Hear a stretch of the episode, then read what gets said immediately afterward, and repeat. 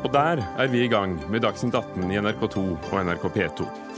Russland er sterkere enn enhver fiende, sa president Vladimir Putin da han holdt sin årlige pressekonferanse i dag. Samtidig står landet overfor svære økonomiske utfordringer 25 år etter at Sovjetunionen ble til nettopp Russland. Å gi penger til Kreftforeningen er omtrent som å kaste pengene ut av vinduene, sier han som vil at vi skal gi mer effektivt.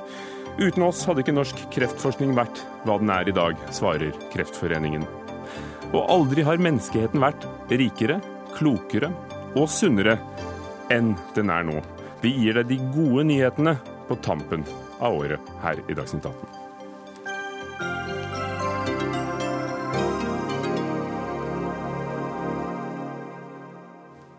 Økonomi, sjakk, doping, samferdsel, fotballpøbler og opprusting. Alt dette og mye mer var tema da Vladimir Putin holdt sin årlige pressekonferanse i Moskva i dag. Russlands president holdt det gående i over tre timer og besvarte spørsmål fra media om de utfordringene landet står overfor. Morten Jentoft, vår Russland-korrespondent, hva er formålet med denne årlige seansen?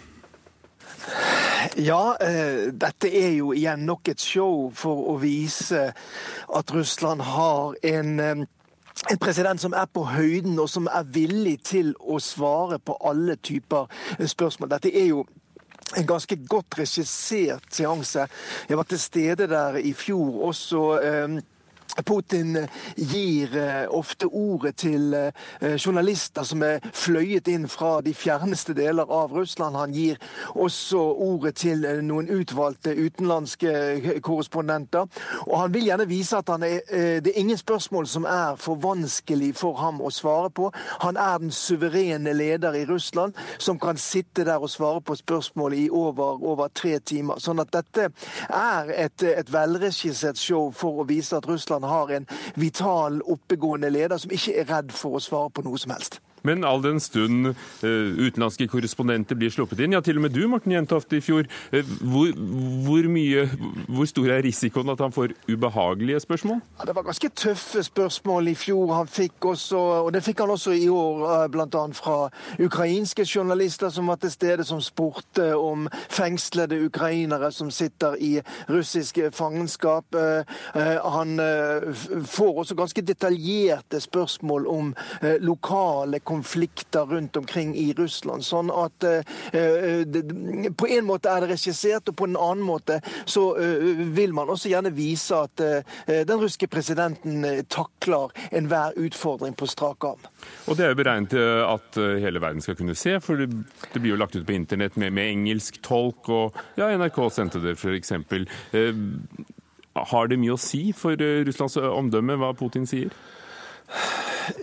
Ja, altså innad, innad, i Russland så, så, igjen så er dette et eksempel eh, fra den russiske ledelsen på å, å, vise folk at vi har en eh, president som eh, er i stand til å svare på alle spørsmål. Og det at denne pressekonferansen også får stor internasjonal oppmerksomhet, det er jo også nok viktig for, for Russland utad også å vise at landet har en, en, en, vital leder, og ikke minst etter et år som vi har hatt nå i 2016, der det jo har vært en rekke eksempler på der Russland har agert ganske overraskende og tøft eh, internasjonalt. Og, sånn at det har en funksjon både utad, men jeg tror nok kanskje først den eh, innvortes betydningen er, er størst her.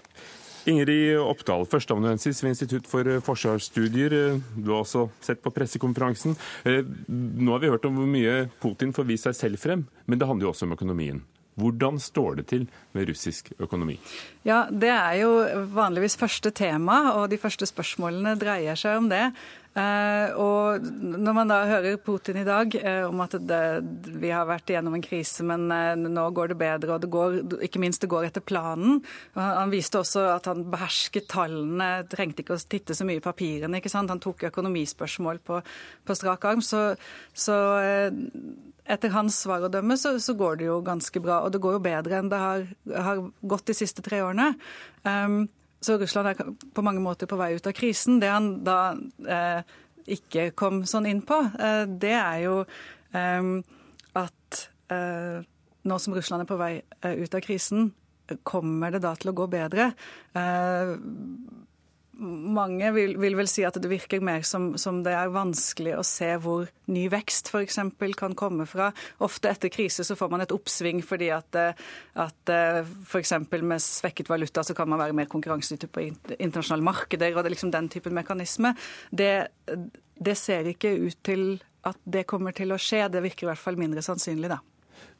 I forhold til hvordan Putin beskrev situasjonen, og stemmer det med det bildet dere har som, som, forsker på det utenfra? Ja, altså, Jeg er jo ikke økonom, jeg er statsviter, um, så, så, jeg ser jo mer på de politiske implikasjonene. Men uh, i det jeg følger med på, det, det man ser i økonomien nå, så, um, så så virker det mer som, som, Russland er på vei inn i en periode med, med eh, langvarig stagnasjon. Og, og, den typen signaler og uttalelser har jo også kommet ut av f.eks. økonomiministeriet.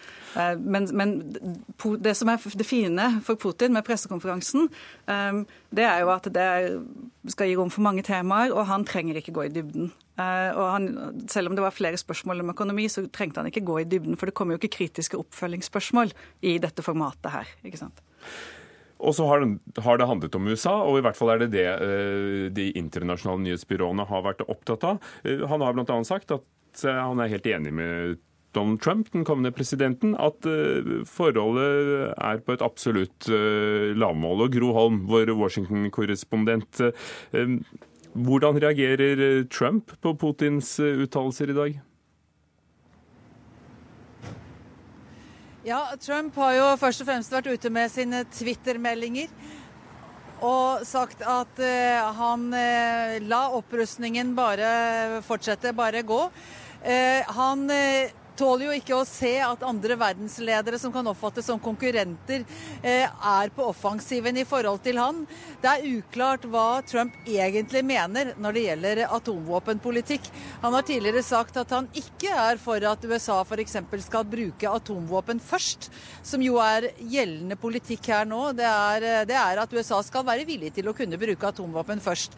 Det har Trump sagt han ikke vil. Samtidig så sier han at nå må også USA eh, utvide og styrke sitt eh, atomvåpenarsenal.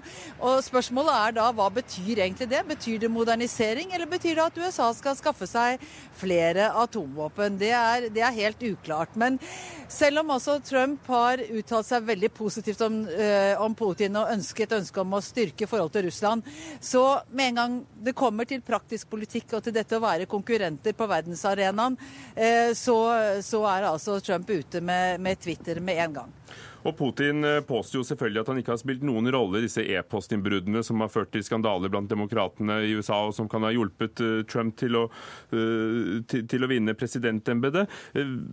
Men dette med våpenet, er det Eh, er det noe i det, eh, som Putin sier, at eh, uansett så vil med modernisering av Russlands atomvåpenarsenal, så vil de kunne skyte seg gjennom ethvert rakettskjold som USA måtte sette opp? Eh, nå er jeg ikke helt sikker på, Kan du gjenta det spørsmålet ditt? Jeg hører deg litt dårlig her. Ja, du skjønner at eh, Jeg viser til det Putin da sier, at moderniseringen av atomvåpnene i, i, Russland den kommer fordi USA jo bygger opp sitt rakettskjold. Eh, og at uansett så vil da Russland kunne skyte seg gjennom ethvert rakettskjold. Er det bare ord egnet for å skremme, eller er det et nytt eh, våpenkappløp som er i gang? Ja. Altså Svaret på det på amerikansk side er jo at dette er et rakettskjold som ikke er beregnet på USA. Det er ment for å skulle beskytte Europa mot mulige atomvåpen fra Iran. Og det pågår jo nå en eh, bygging av dette rakettskjoldet da i Romania og bl.a. Eh, i Polen.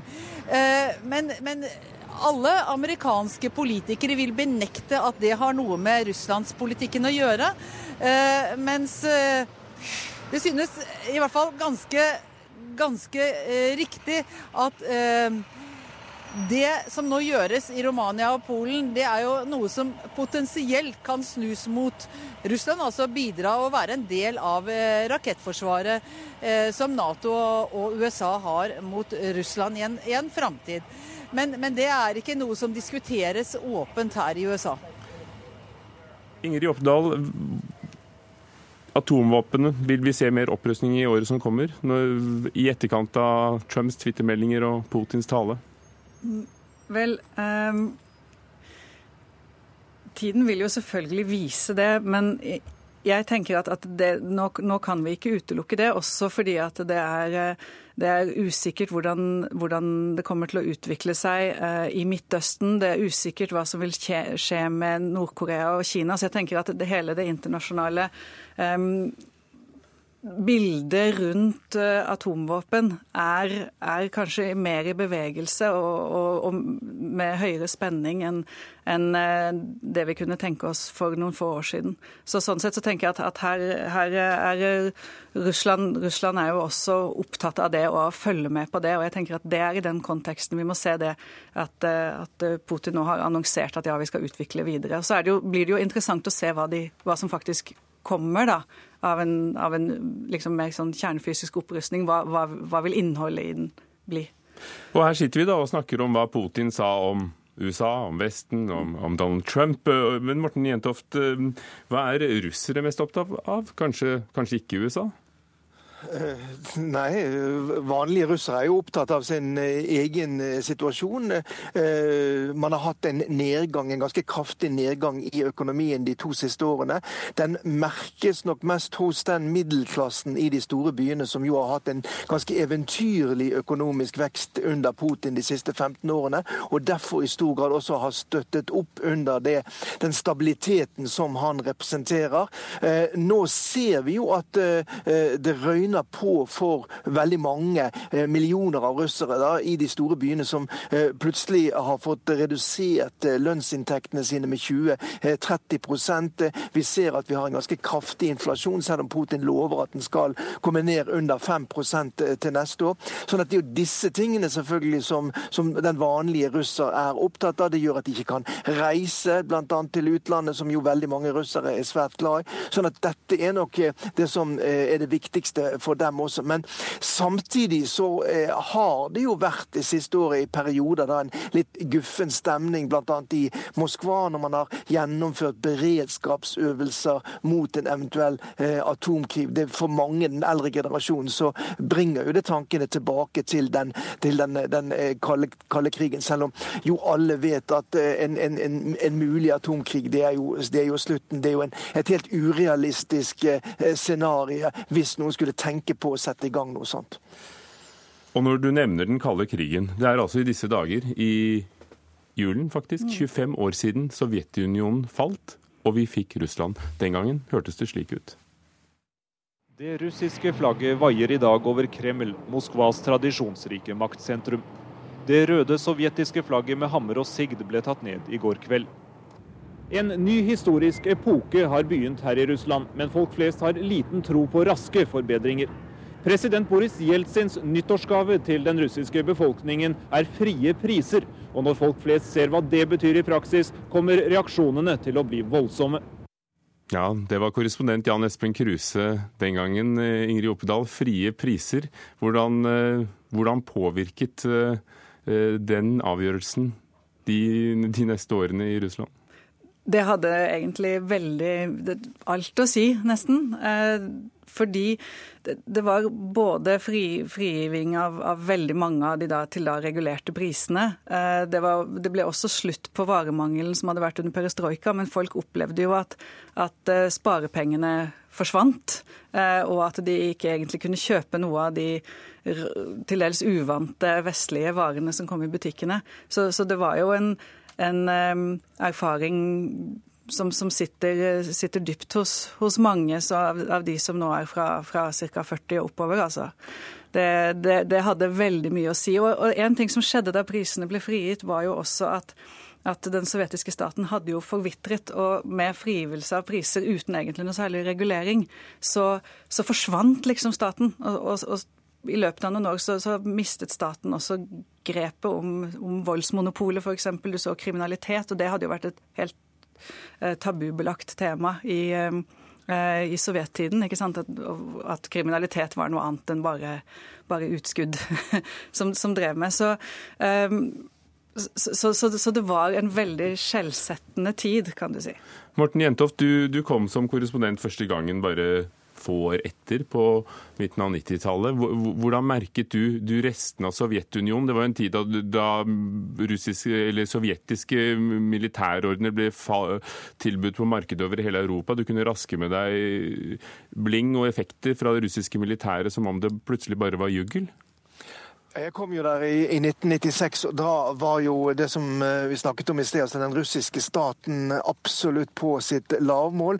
Eh, da gikk den eh, russiske, eller kan si, eks-sovjetiske armeen, en av verdens største en gang, på et ydmykende nederlag i Tsjetsjenia i kampen mot separatistene der nede. Det opplevde jeg på nært hold. Og det var jo virkelig som man så et samfunn i oppløsning da når man møtte russiske soldater og offiserer der nede som eh, på en måte hadde mistet troen, ikke hadde noen ledelse å se opp til. Så eh, fulle russiske offiserer og soldater i Tsjetsjenia i 1996 det var et eksempel på et, en, en, stat som var i absolutt eh, oppløsning. og Det er jo derfor mange opplever den totale kontrasten da i forhold til hvordan er situasjonen er nå i eh, 2016, da, med en, eh, med en, helt annen orden i samfunnet. og Der veldig mange igjen er stolt over Forsvaret, over de militære. Og man eh, ikke minst da har en president som er i stand til å gjennomføre en pressekonferanse på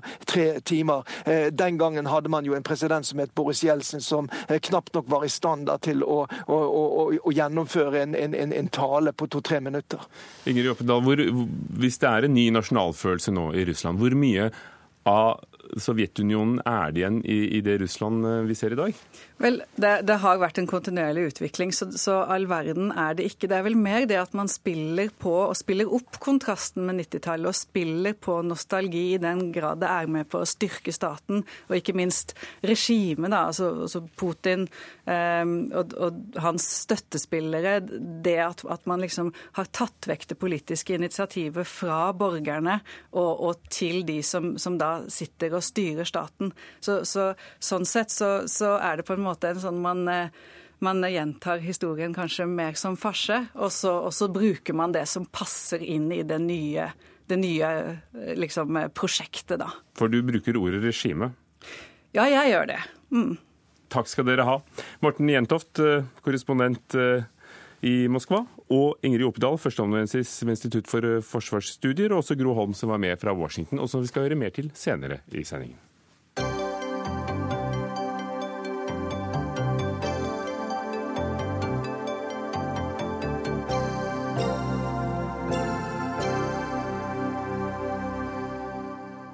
Hvis du virkelig ønsker å hjelpe andre mennesker, burde du gi penger til utvikling i fattige land, og ikke til Kreftforeningen. Å gi til Kreftforeningen er nesten som å kaste penger ut av vinduet, og det skriver du i Aftenposten, Johannes eh, Bangum.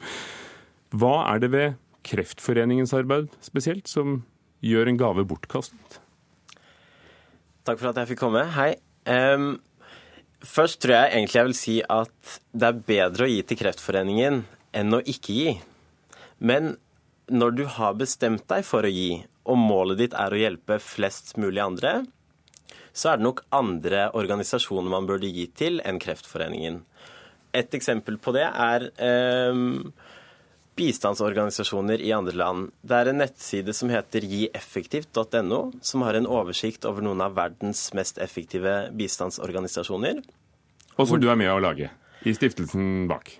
Eh, jeg har gitt penger til stiftelsen, men jeg er ikke med i stiftelsen og har ikke laget nettsiden. Men jeg syns jo selvfølgelig det er et kjempegodt tiltak. Det er det jo. Men kunne du valgt deg å gått løs på en hvilken som helst organisasjon i Norge? Fordi eh, hvis du gir penger til luftambulansen, du, du, vil jo bli hentet i en luftambulanse hvis det trengs uansett. Altså, eh, vi har et sikkerhetsnettverk som gjør at, eh, at, vi blir tatt vare på ofte uansett. Ja, det er nok helt riktig. Eh, Så hvorfor har du valgt Kreftforeningen? Så jeg kan godt si akkurat litt om hvorfor eh, det ikke har så stor betydning å gi til Kreftforeningen og kreftforskning. Og det er hovedsakelig to ting.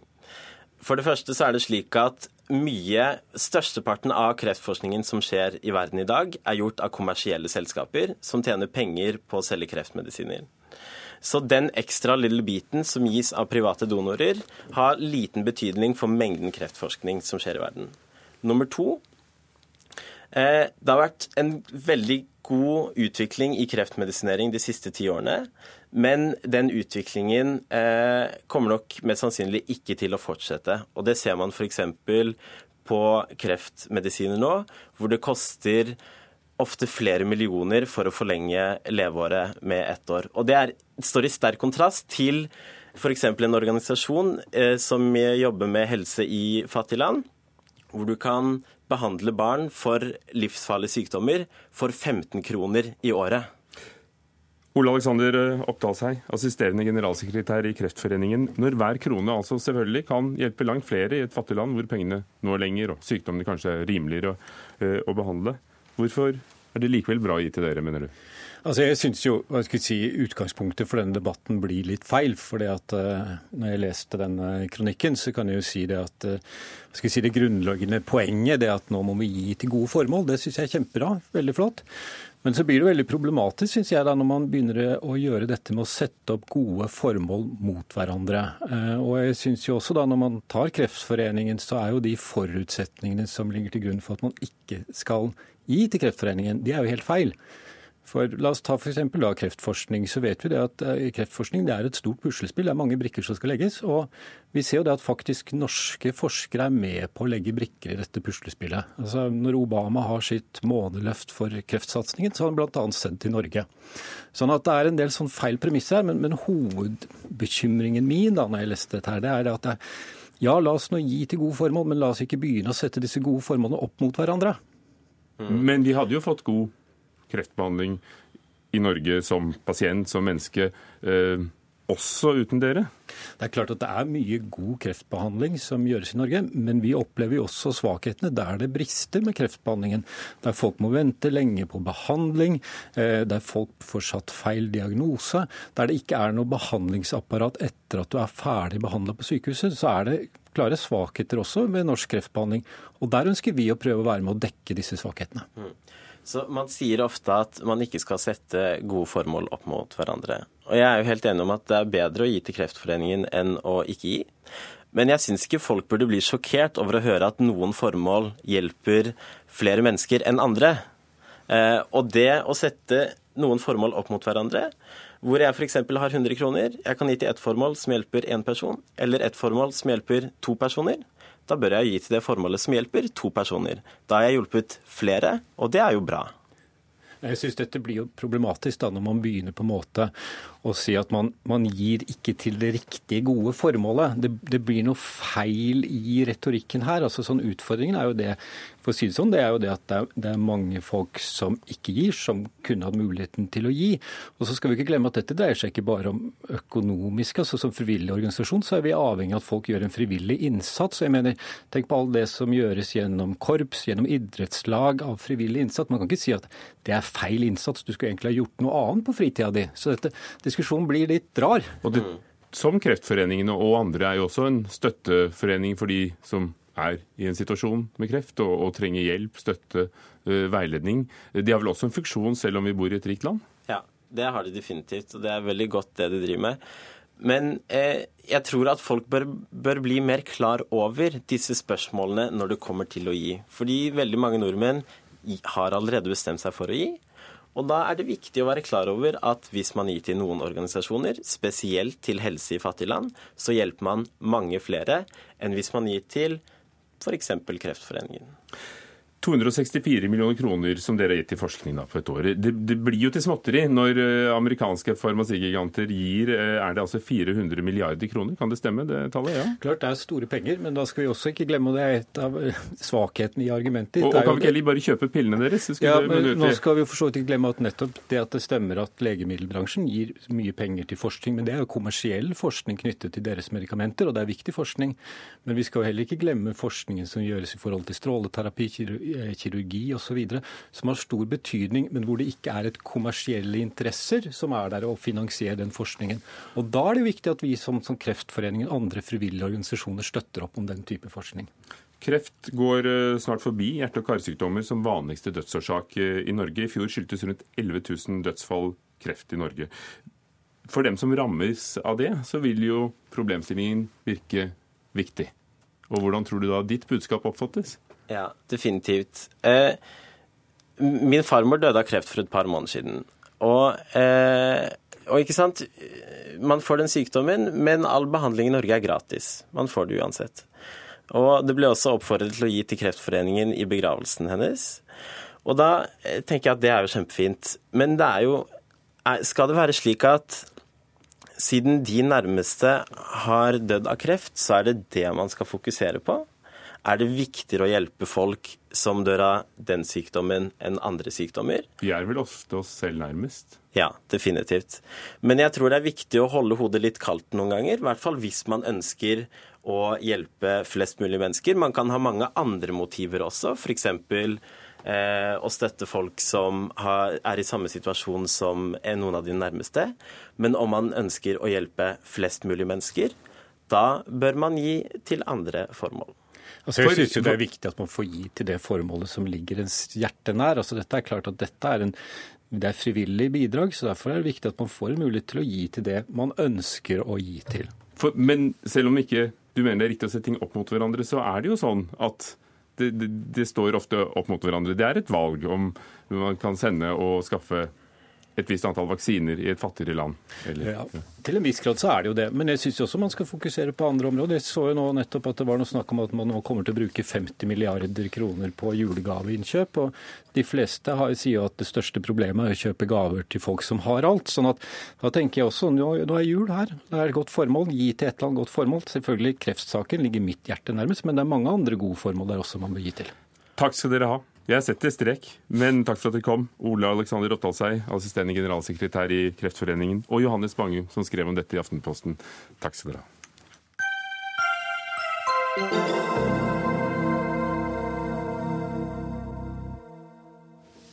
Facebook, for få år siden et nettsted om fødselsdager, brutte forhold og nye kjærester.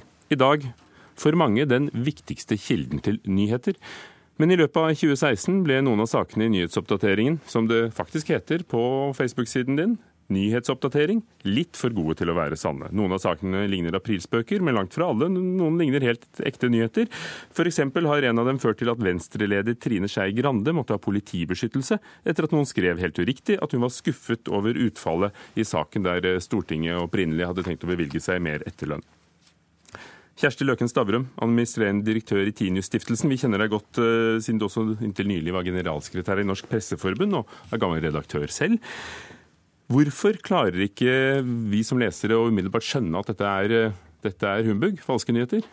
Jeg tror fordi vi grunnleggende har uh, med oss fra mange år tilbake en tillit til det vi leser og det som er publisert. Og så ser disse falske nyhetene til forveksling like ut som alle andre nyheter. Det er de viktigste tingene, tror jeg. Hvem lager dem? Ja, Nå vet vi at det er forskjellige miljøer som lager dem. Eh, Trine Skei Grande, falsk nyhet, det, den er jo produsert her, men vi vet jo også at det fins ja, Ikke her i NRK, altså, nei, men i Norge. Nemlig. Nei, det skulle tatt seg ut, du. Eh, eh, vi vet at det fins eh, Eh, menn eh, som sitter i Makedonia og lager dette. Jeg så en eh, amerikansk radiostasjon som fant en familiefar i, utenfor Los Angeles som hadde satt dette i stor industri. Så mange forskjellige gjør det, av ulike årsaker. Ja, for Når du sier stor industri, så er det jo også ø, pengestrømmer involvert. Hvem tjener på det? De som eh, lager eh, nettsider med falske nyheter, fordi de har klarer å få eh, også nyheter til, eller altså unnskyld, annonser til sine sider, og, og tjener da penger. Uten å bruke journalistressurser slik andre bruker. Gro Holm, vår Washington-korrespondent med oss igjen. Noen mener at falske nyheter var med på å avgjøre presidentvalgkampen i USA. Stemmer det, eller er det, er det også en falsk nyhet? Jeg vil si Det er i hovedsak en falsk nyhet, eh, fordi det var andre ting som avgjorde det valget. Det var eh, kandidaten selv, Clinton. Det var ikke minst eh, disse nyhetene som lekket ut om hennes e-poster via Wikileaks, men det var jo ekte og ikke falske nyheter, selv om det kom fra lekkasjer, og som skadet henne, og som gjorde at veldig veldig mange velgere oppfattet henne som uærlig. Men når det er sagt, det var mange falske nyheter. Ikke minst om svarte overgrep mot hvite menn, og det ble publisert bilder av menn, hvite menn som lå døde på gata. Eh, det var en falsk nyhet om at Clinton i 2013 skal ha uttalt om Trump at han var eh, ærlig, en ærlig og troverdig eh, person. Den ble spredt eller delt 480 000 ganger på Facebook, mens den ekte nyheten i New York Times om at Trump trolig ikke har levert selvangivelse fra 1995, den ble delt bare 175 000 ganger. Eh, så det var, det var mange eh, falske nyheter ute og gikk. Og det er klart, for en del velgergrupper så var de med på å forme det bildet de hadde av kandidatene. Men at de skulle ha avgjort valget, det har jeg vanskelig for å tro. Kjersti Løken Stavrum, altså 480 000 delinger på, på, på, nettsiden Facebook eh, av en falsk nyhet, og 175 000 på den ganske sjokkerende opplysningen fra New York Times. Hva, hva kan mediene selv gjøre?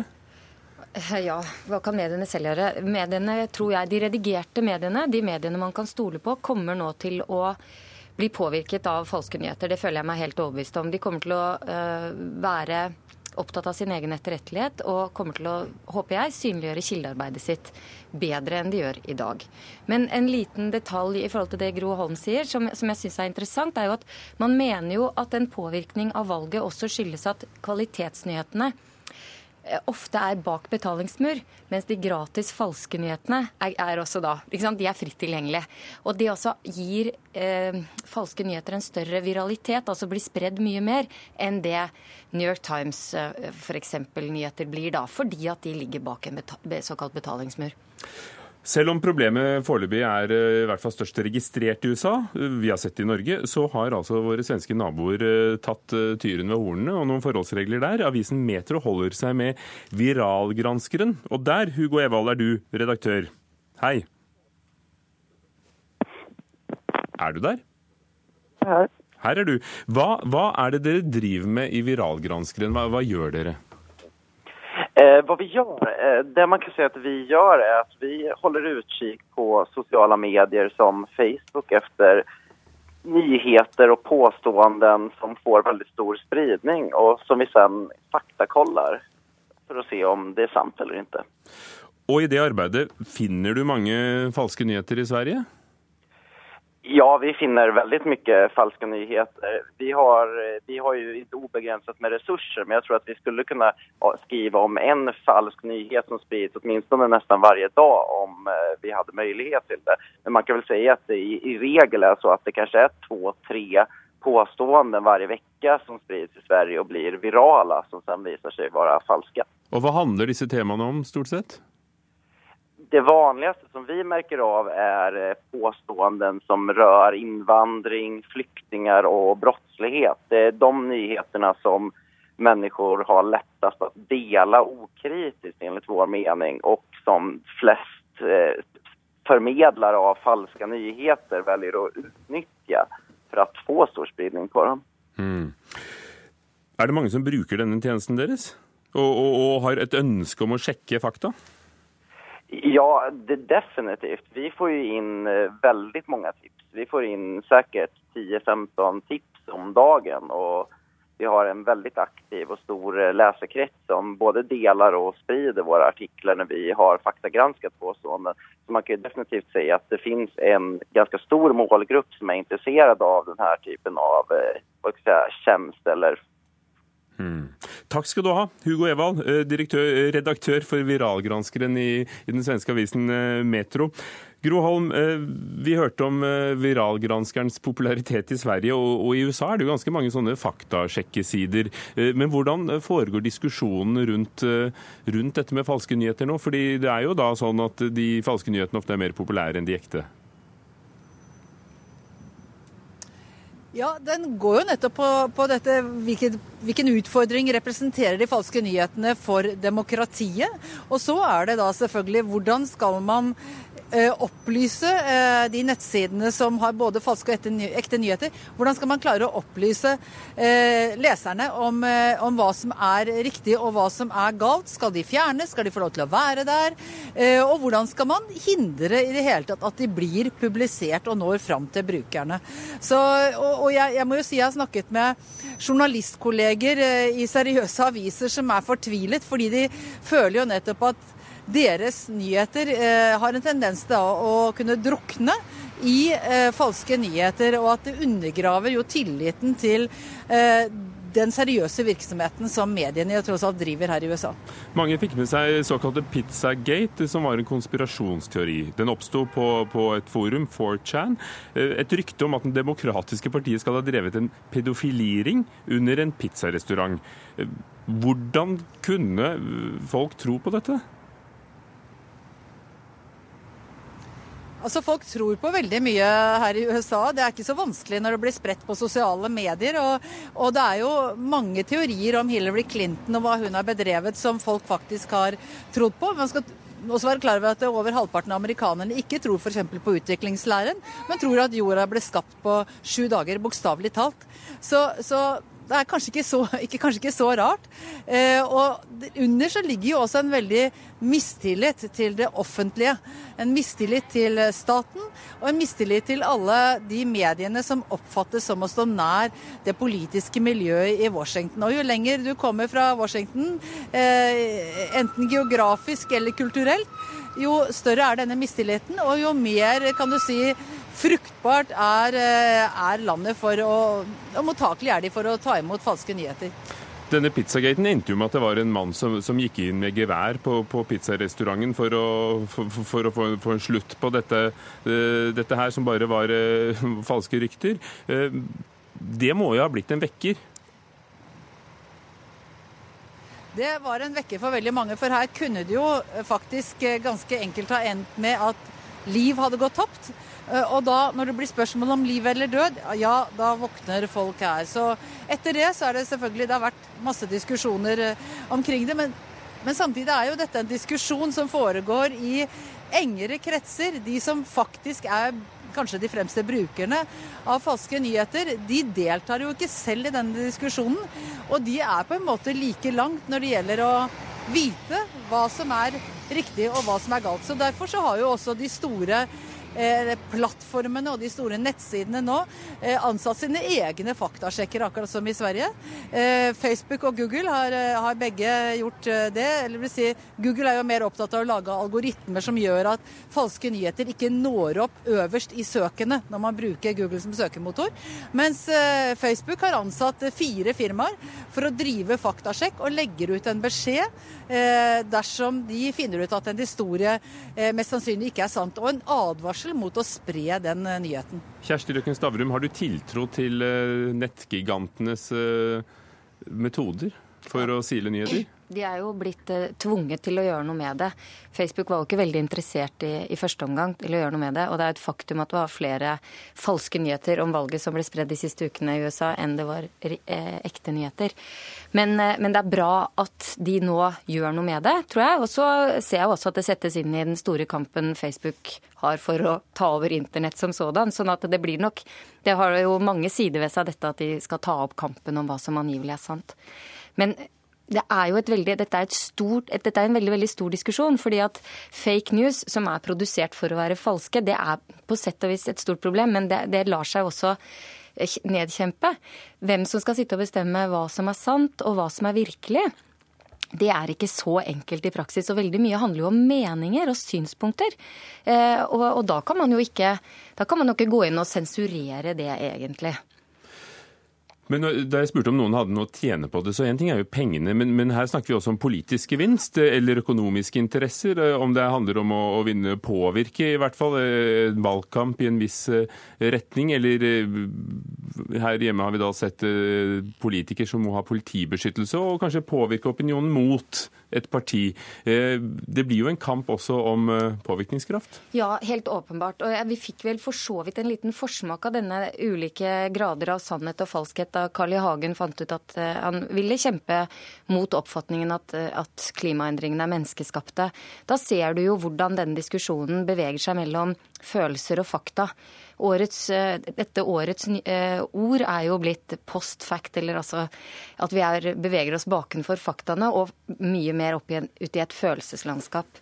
Men bunnlinja her, som jeg er veldig opptatt av, er at mange kommer til å venne seg til de redigerte mediene og og håpe at de tar ansvar. Men dette er en veldig stor dugnad, og jeg mener at også forskningsmiljøene må mye mer aktivt på banen med all den kunnskapen de sitter på. For de redigerte mediene må kanskje gå i seg selv, da det denne uken viste seg mulig at NTB spredte en artikkel fordi de siterte The Guardian, og dette ble trykket i Aftenposten om at en russisk realityshow på TV skulle tillate voldtekt og drap. Og det, og det, var jo ikke sant. Nei, og vi hadde jo nylig også en sak fra Tyrkia som noen vil huske, hvor at man tillot ekteskap så, til altfor unge barn. ikke sant? Stoler vi for mye på hverandre i mediene? Har noen skrevet det, så blir det gjentatt? Ja, og Det henger jo sammen med det jeg startet med å si. Som, Den gode egenskapen at vi har en grunnleggende tillit til ting vi blir servert. Det er jo langt på vei bra, men er nå blitt veldig farlig for hver og en. da. Sånn at vi må, hvis alle I vår verden så har alle blitt redaktører, men da må vi også bli like kildekritiske som redaktører skal være. Gro Holm i Washington. Tyske politikere truer Facebook med bøter hvis de ikke gjør mer for å få kontroll på falske nyheter. Er det, er det noe som USA har sansen for? Ja, det, det, har ikke vært uh, diskutert uh, noe særlig her ennå. Det, det, er mer snakk om å nekte folk å annonsere, nekte produsenter av falske nyheter, de som faktisk eh, tas, og nekte dem å få annonseplass på, på, nettsider og på søkemotorer. Og Det er jo virkelig å straffe dem på pungen. og jeg tror Det er kanskje én vei å gå, men jeg tror ikke det i seg selv vil stanse de falske nyhetene, fordi det er så mye prestisje også knyttet til det å faktisk få folk til å tro på ting som er falskt, at for noen så er det i seg selv en gulrot god nok. Takk skal dere ha, Gro Holm, Washington-korrespondent, og Kjersti Løkken Stavrum i Tinius-stiftelsen, for at dere var med og leverte sertifisert ekte vare.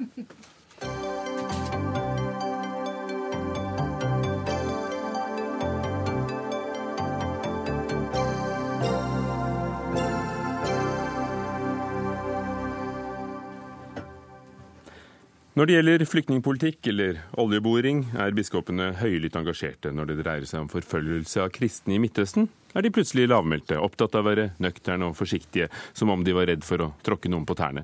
Det skrev journalist og forfatter Lars Akerhaug i Vårt Land sist uke. Lars Akerhaug, hvordan mener du at Den norske kirke har eh, sviktet eh, de kristne i Midtøsten?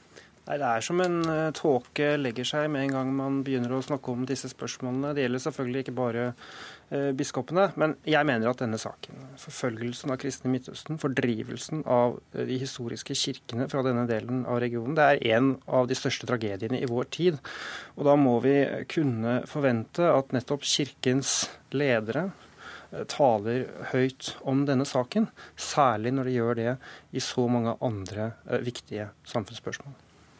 Kirken sitter her, i hvert fall en av dem. Atle Sommerfelt, biskop i Borg bispedømme.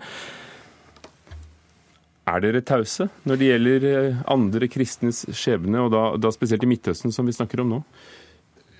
Det er ingen tvil om at situasjonen for de kristne i Midtøsten er veldig krevende. Og jeg er helt enig i at begrepet både forfølgelse og fordrivelse er riktig mange steder, og det har vi jo også sagt. Så er det jo det er klart når dette skjer, og vi har jo hele tiden kontakter med disse kirkene, og regelmessig hele veien, både som personlig og institusjonelt. Og da vil jo alltid være spørsmål har vi gjort nok, har vi sagt tydelig fra. Men det som er den store utfordringen, er hva skal vi så gjøre?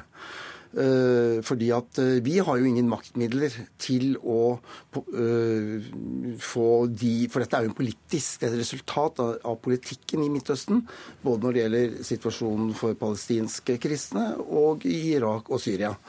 Eh, og når jeg besøkte i Irak rett før invasjonen i 2003, så var jo deres entydige budskap vi er beskyttet under Saddam Hussein. Det som kommer når amerikansk invasjon kommer, kommer til å være en katastrofe for oss. Og det fikk de rett i. Hvordan er det blitt? I, la oss ta Irak. Det er blitt en, eh, I Irak er det blitt en katastrofe, for så vidt som det er vel ja, 80% kanskje, som har flyktet. Og mange av de flyktet til Syria, eh, hvor de ble tatt hånd om. Eh, og så vet vi jo hva som da skjedde ti år etter, eller åtte år etter, i åtte-ni år etter i Syria. Og der sa jo kirken akkurat det samme. Det som er hovedutfordringen for oss, er at de må forholde seg til at muslimer og moskeene og islam er flertallet. Det er det terrenget de lever i. Derfor har de sagt til oss Sørg for at man klarer å skape og bidra til Støtt oss i vårt arbeid for en fredelig sameksistens i Midtøsten. Det er det vi har levd med i, og levd for og har overlevd på, og det må fortsette. Og som du hører, eh, Lars Akerhaug, så, så er biskopen opptatt av tematikken? Ja, Det er ingen som tviler på at eh, biskopene har hatt et eh, engasjement i saken. Det er ikke det som er spørsmålet her. Det jeg registrerer, er at når man snakker f.eks. om klimaendringer, når man snakker om regjeringens innvandringspolitikk, når man snakker om papirløse flyktninger, når man snakker om skolegudstjenester, så er Kirken høylytt. Biskopene går i kampanjemodus. Men når vi tar opp denne saken her sånn, så er det plutselig snakk om dialog. Eh, man snakker om at man må være forsiktige, man må ikke provosere noen. Man må være forsiktig med å bruke begreper som at eh, kristne er en minoritet, eh, fordi det kan føre til stigmatisering osv. osv. Jeg har jo skrevet en bok siste jul i Kairo, eh, og jeg snakket i forbindelse med arbeidet med den boken, så snakket jeg med mange kristne ledere, både kirkelige ledere, politiske aktivister, vanlige mennesker. Jeg spurte er det slik at vi bør være forsiktige med å snakke om kristne som forfulgte, og alle jeg snakket med, de sa nei. Og mange ga uttrykk for at de føler seg sviktet av Vestens kristne. Men der sa jo Sommerfelt akkurat at hva skal de gjøre? I, I, Norge så kan jo Den norske kirke påvirke norsk politikk og treffe politikere og, og få til forandringer som de måtte tro på. Men, men, men, mens der står det overfor land som har hver sin politikk, hvor kristne har forskjellige skjebner. Hovedbildet i Midtøsten er at kristne er under press eh, pga. fremveksten av eh, ulike islamistiske bevegelser eh, som sprer holdninger eh, i hele samfunnet. Og Det fører til fordrivelse og forfølgelse i nesten hele regionen. Det er hovedbildet. Så er Det slik at det er jo ikke slik at biskopene er tause i andre internasjonale spørsmål. Den norske kirke har f.eks. et rikt engasjement i Israel-Palestina-konflikten. Historisk har man vært sterkt engasjerte i apartheid-konflikten. Og Det er jo heller ikke slik at engasjementet vårt bør stoppe innenfor Norges grenser. Så jeg eh, synes det er rart at ikke ja. man snakker høyere om dette spørsmålet. Ja, altså, Vi kan alltid diskutere volumknappen her. Det syns jeg er en ganske uinteressant problemstilling. For substansen er jo hva kan vi gjøre, og hva gjør vi? Og eh, Det som jo er den store utfordringen her, er at hvis jeg f.eks. henvender meg til norske myndigheter om at de må ta et oppgjør med sine allierte i Midtøsten, Israel, Saudi-Arabia, Tyrkia og USA for den måten de, deres politikk har ført til både fremveksten av grov, altså ekstreme islamister og geopolitisk, så vil jeg jo bli skyldt for å drive med politikk. Så det vi har valgt å gjøre når det gjelder Midtøsten, det er jo å holde regelmessig mellomkirkelig råd, ha regelmessig kontakt med Kirkerådet. Jeg var i Damaskus i mai for å feire påske med de kristne der, osv. Det er den måten vi er nødt til å gå fram på, i tillegg til at vi prøver å skape rom for Eh, å forsterke de elementene i moskeen og islam som eh, ser at sam fredelig sameksistens er veien framover. Dere blir jo allerede beskyldt for å drive politikk, senest i Dagbladet i dag over tre sider av eh, statsminister Erna Solberg, som reagerer på at Kirken blander seg for mye i flyktningpolitikken. Da kan dere vel også bli beskyldt for å drive politikk i andre saker? La meg, la meg, si det sånn. Jeg har skrevet brev til både Anundsen i sin tid og senere til Listhaug, hvor jeg sier at de må ta asyriske kristne som er og sitter og venter i flyktning... Eller det er jo ikke flyktningleir i Libanon, men i flyktningstatus i Libanon inn som kvoteflyktning i Norge. Svaret er blank avvisning og taushet i Listhaugs tilfelle. Det er en sammenheng mellom For det er nemlig et handlingsalternativ.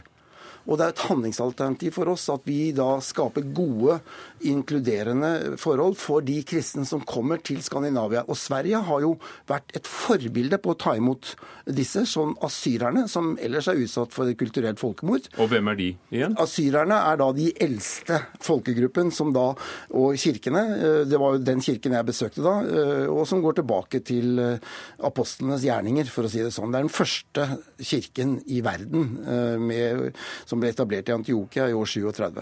Igjen så er det pussig at man har et sterkt engasjement med en gang det dreier seg om innvandringspolitikk og flyktningpolitikk, men man klarer ikke å si at nå haster det. Men her hørte vi jo altså koblingen til nettopp spørsmål i asylpolitikken. Kan ikke nettopp forfulgte kristne få innvilget asyl og, og, og være privilegerte fordi de er forfulgte? Kristne som er utsatt for forfølgelse, har selvsagt samme rett til å søke om asyl i Norge som alle andre flyktninger. Men det som er det viktigste akkurat nå, er jo å skape rom og vilkår for at de kristne kan bli igjen i Midtøsten. Det dreier seg om fordrivelsen av ukirkene fra store deler av regionen. Og her ser jeg Men, altså ikke noe sterkt engasjement. Du, du, har jo da vært i, i, Kairo og skrevet 'Siste jul i Kairo'. Der jeg har også vært i Irak, jeg har vært i, møtt flyktninger fra Syria. 11.12. Mm. Eh, ble, i år ble 25 koptere drept ja. i en eksplosjon. Det har vært flere angrep, og det er institusjonalisert rasisme.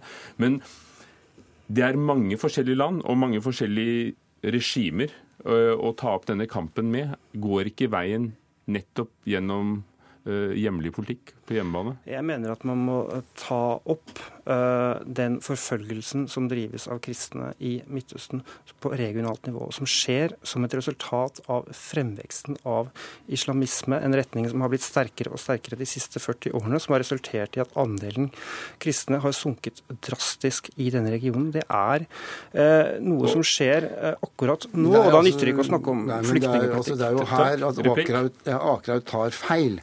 Fordi at det store Jo, det gjør det.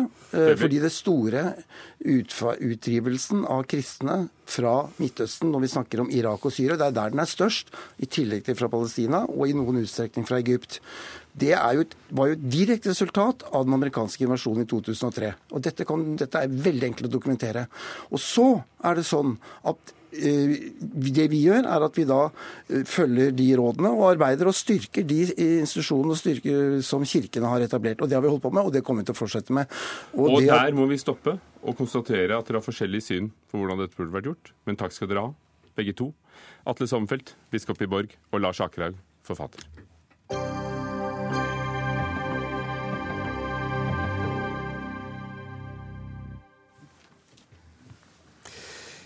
Året går mot en slutt med krigen i Syria. Vi har hørt om ganske elendige beskrivelser av hvordan det står til for mange i Midtøsten akkurat nå. Terroraksjoner i Europa, sultkatastrofer mange steder.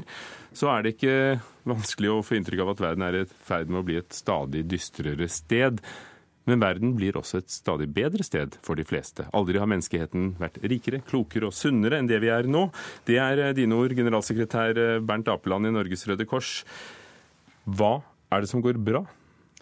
Det er veldig mye som går bra i, i verden. Eh, hvis du ser på antallet eh, ekstremt fattige eh, i verden, altså de som lever på mindre enn 10-12 kroner om dagen, så er det mer enn halvert i løpet av de siste 25 årene.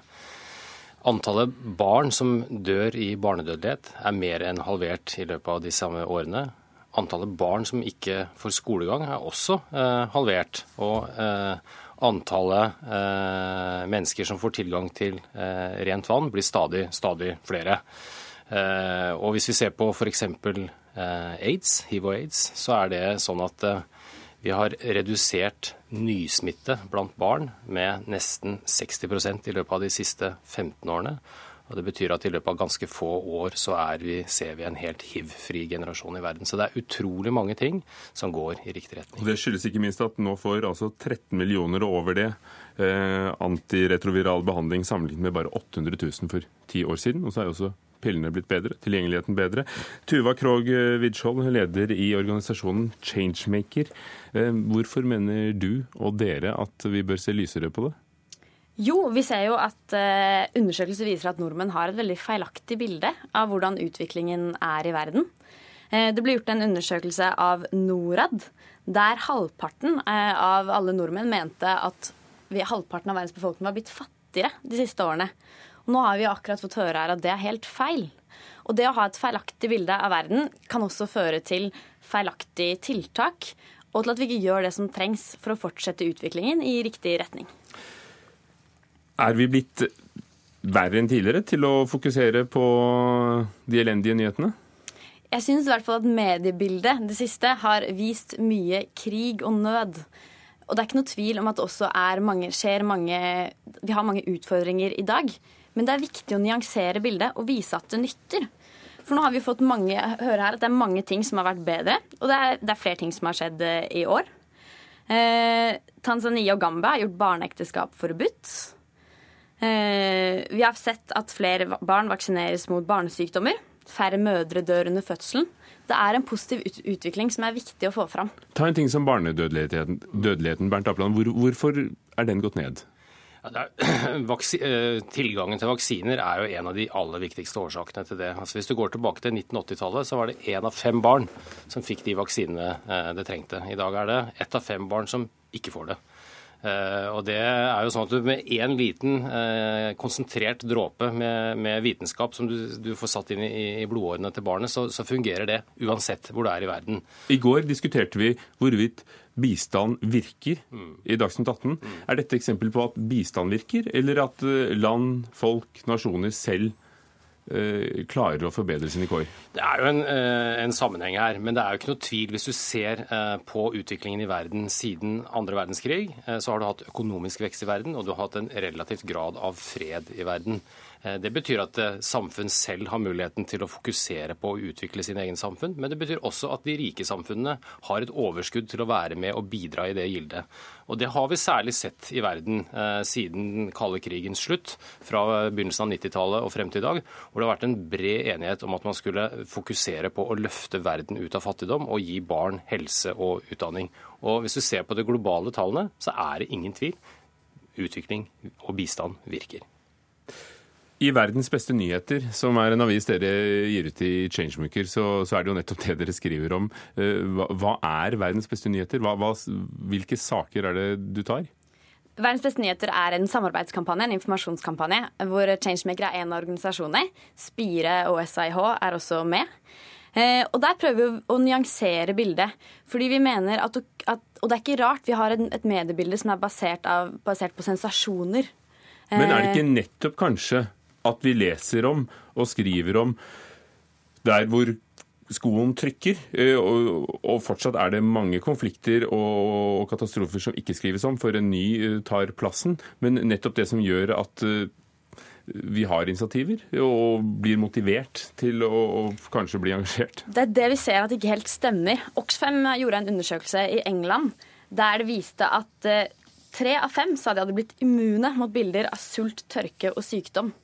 Men det å vise at nettopp det vi driver med, virker, og det har vi flere eksempler på. Nå har vi sett at engasjement har fått, uh, har fått oss til å avslutte det Dakota Access Pipeline. Vi har sett at engasjement og det å vise at ting nytter, det gjør at folk har lyst til å engasjere seg. Det skaper altså fremtidstro. Er den omstridte oljerørledningen i USA som mange ja. urfolk reagerte på. Bernt Apeland, i dag hørte vi om ebolavaksinen som ser ut til å virke. Hva vil f.eks. det gjøre med folks helse? Ja, nå er for så vidt ebola ikke en stor utfordring eh, i, i Afrika. Malaria og hiv-aids er, er, langt, langt større. Men det er klart at for de eh, landene der dette oppstår sånn med jevne mellomrom, så vil dette være eh, en, eh, et kvantesprang i forhold til å, å, bli enda sunnere og enda friskere enn det de er i dag. Men det er jo ikke sånn at de, vi når FNs tusenårsmål. Så selv om vi har kommet langt, hva skal vi gjøre for å komme lenger, og kanskje til og med nå målene? Altså, det er faktisk sånn at Hvis vi ser på, på verden i dag, altså, som vi hadde som utgangspunkt, at det ser litt grimt ut. Eh, hvis vi på, tar et øyeblikksbilde i dag, og det er jo pga. at det er eh, mye krig og konflikt i verden i dag. Eh, og det er faktisk viktig at vi klarer å, å, å få en stans på disse konfliktene. Fordi de landene som opplever krig og konflikt, de blir hengende etter. Og Får vi ikke snudd det, får vi ikke fred i disse landene, så klarer vi ikke å nå FNs tusenårsmål. Vi klarer ikke å nå bærekraftsmålene. Men er folk lykkeligere? I dag? I dag enn de var for ett år siden og ti år siden? Jeg vet ikke om de er lykkeligere enn de var for ett år siden, men jeg tror at hvis vi viser at det nytter, så kommer vi til å bli lykkeligere. Takk, Tuva Krogh Widskjøl fra Changemaker og Bernt Apeland fra Norges Røde Kors. To store og mange, for mange overraskende hendelser preget dette året, nemlig brexit og USAs neste president som heter Donald Trump. Det tar vi for oss i romjulen her i Dagsnytt 18 tirsdag og onsdag, så er vi tilbake i vår vante form 2. januar. Ida Tune Øresland var produsent. Finn Lie, teknisk ansvarlig. Ugo Fermarello, programleder. Takk for i dag.